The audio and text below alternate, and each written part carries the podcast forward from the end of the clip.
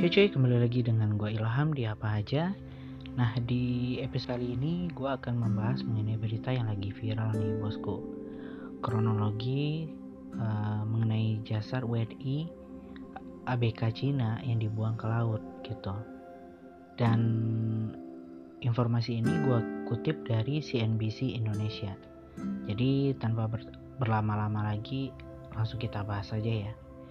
Isu mengenai dugaan perbudakan terhadap warga negara Indonesia yang bekerja sebagai anak buah kapal ABK di kapal penangkap ikan asal Cina itu lagi ramai diperbincangkan setelah diberitakan oleh stasiun televisi Korea Selatan itu MBC News pada hari Selasa kemarin tanggal 5. Media itu juga mengunggah sebuah video ke kanal YouTube MBC News dengan judul berbahasa Korea yang jika diterjemahkan itu berarti eksklusif 18 jam sehari kerja jika sakit dan tersembunyi buang ke laut gitu. Dalam video tersebut terlihat beberapa jasad WNI ABK kapal Long Sing 629 Cina yang meninggal akibat sakit dibuang ke laut Video tersebut sempat menjadi trending di Korea Selatan. Hal itu karena ABK kapal yang menjadi saksi atas kejadian itu sempat meminta tolong kepada pemerintah Korea Selatan dan media itu, sebagaimana dijelaskan oleh youtuber asal Korea Selatan yang fasih berbahasa Indonesia, Jang Hansol atau dikenal dengan Korea Reomit. Video yang bakal kita lihat abis ini adalah video kenyataan tentang pelanggaran hak asasi manusia orang-orang Indonesia yang bekerja di perkapalan Cina. Kapal besar yang pergi menangkap ikan itu. Jelasnya melalui sebuah unggahan di YouTube pada hari Rabu. Dan MBC berhasil mendapatkan informasi ini karena kebetulan kapalnya itu pergi ke Busan atau mampir di pelabuhan Busan dan waktu itu orang-orang Indonesia ini menyampaikan berita ini kepada pemerintah Korea dan juga TV MBC orang-orangnya ini ABK ini yang meminta bantuannya gitu. Yang meminta bantuan maksudnya.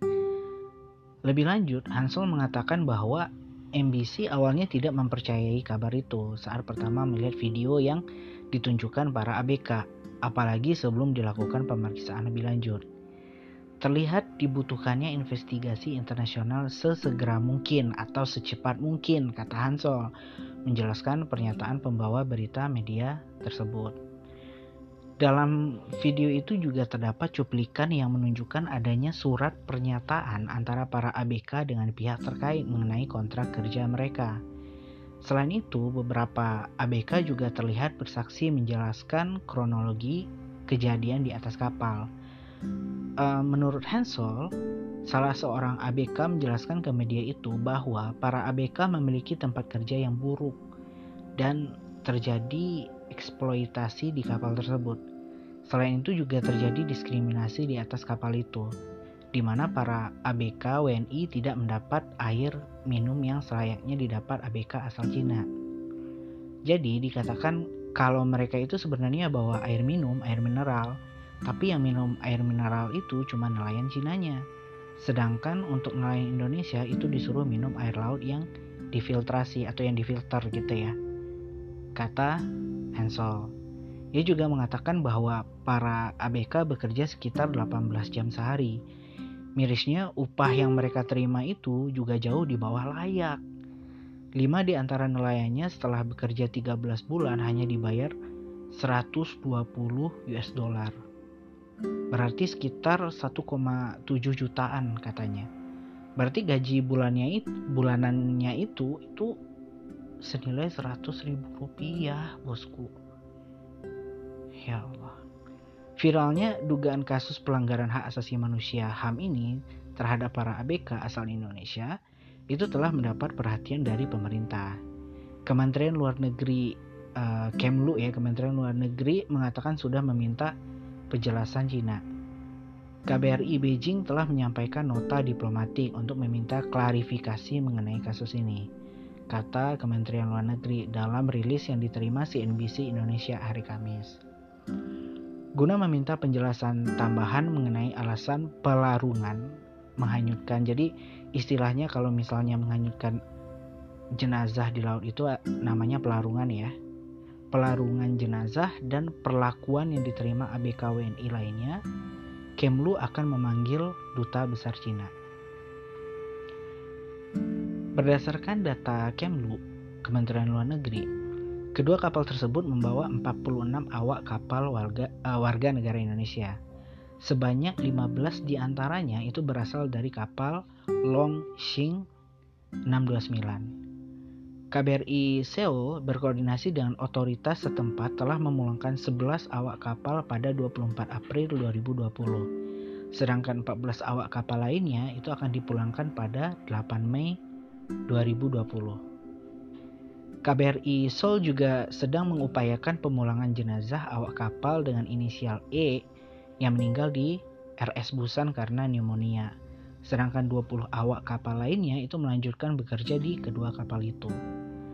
Aturan pelarungan jenazah diatur dalam International Labour Organization atau ILO ya disingkat ILO Seafarers Service Regulation. Setidaknya ada syarat yakni jenazah penyakit, uh, penyakit menular atau kapal tidak memiliki fasilitas menyimpan jenazah sehingga dapat berdampak pada kesehatan di atas kapal. Nah, itulah kurang lebih kronologi yang disampaikan CNBC Indonesia dikutip dari Hansol di channel YouTube uh, YouTube-nya ya Korea Reomit gitu.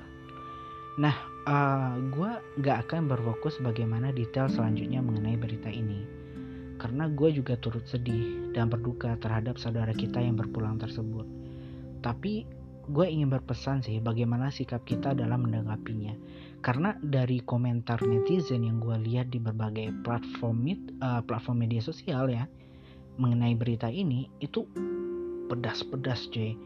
Komentarnya masih ada aja yang oh Cina lagi, Cina inilah, Cina itulah, corona karena Cina lah, ya gitu, sara gitu. Dan gue nggak suka banget kalau misalnya ngebahas atau uh, berkomentar itu mengenai Sarah. Alasannya kenapa? Alasannya adalah dari film My Name Is Khan yang gue tonton itu ceritanya kuat banget membahas mengenai rasisme. Terjadi di saat penyerangan World Trade Center di tanggal 11 September 2001. Jadi yang terkenal dengan istilah 9/11 ya. Dan aktor utamanya itu yang dibintangi eh, Shah Rukh Khan itu mengidap sindrom Asperger yang mana dari kecil itu selalu dibully oleh uh, teman-temannya orang-orang sekitar gitu. Tapi yang gue dapat itu pesan dari ibunya. Jadi suatu ketika Khan sempat dibully dan akhirnya diajarin sama ibunya dengan gambar. Jadi ibunya itu bikin gambar stickman gitu ya. Ada satu orang megang pentungan yang mau mukul si Khan satunya lagi ada orang yang megang permen dan mau ngasih permen itu. Jadi intinya ibunya berpesan di uh, berpesan di film itu ya. Di atas dunia ini cuma ada dua tipe manusia. Satu orang jahat satu lagi orang baik. Nah gak peduli apa pun latar belakang suku agama ras dan golongan lu. Kalau misalnya lu berbuat baik ya orang baik. Kalau lu jahat ya orang jahat gitu. Jadi stoplah menyalahkan ras dalam masalah ini. Karena menurut gue sih keadaan dunia udah semakin parah. Jangan diperburuk dengan kebencian yang ada dalam hati lo karena salah satu faktor yang membuat orang berperang itu salah satunya adalah kebencian. Cobalah untuk berdamai dengan ego lu. Gue yakin apa pun masalahnya, apa pun beritanya, jika kita bisa bersikap dengan kepala dingin, masalahnya akan cepat selesai. Dan biarkan pemerintah yang lebih jauh mengusut mengenai hal ini. Ya walaupun lu nggak percaya pemerintah dengan berbagai alasan, tapi lu hidup di masyarakat yang berada di bawah naungan pemerintah.